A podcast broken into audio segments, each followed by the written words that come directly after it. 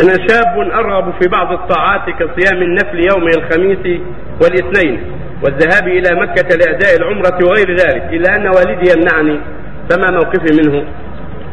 عليك أن تستأذن والدك وأن تستسمحه في ذلك لأن بره واجب وهذه نوافل فلا تقدم النوافل على الواجب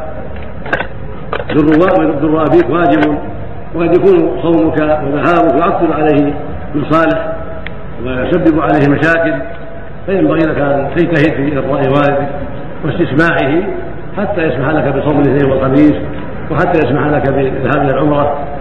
غير الواجبه أما العمرة الواجبة والحج الواجب فالواجب أن يسمح لك. وإذا أبى لك أن تحج الحج الواجب اذا كنت قادرا وتعتبر العمرة الواجب اذا كنت قادرا ولو لم يسمح. لكن هذا في النوافل.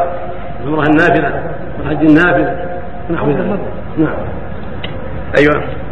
حتى لو كان أمر الوالد لولده بحلق لحيته مثلا. هذه معصيه لا يجوز طاعته في حق اللحية ولا في جر الثياب ولا في ترك الصلاة في الجماعة.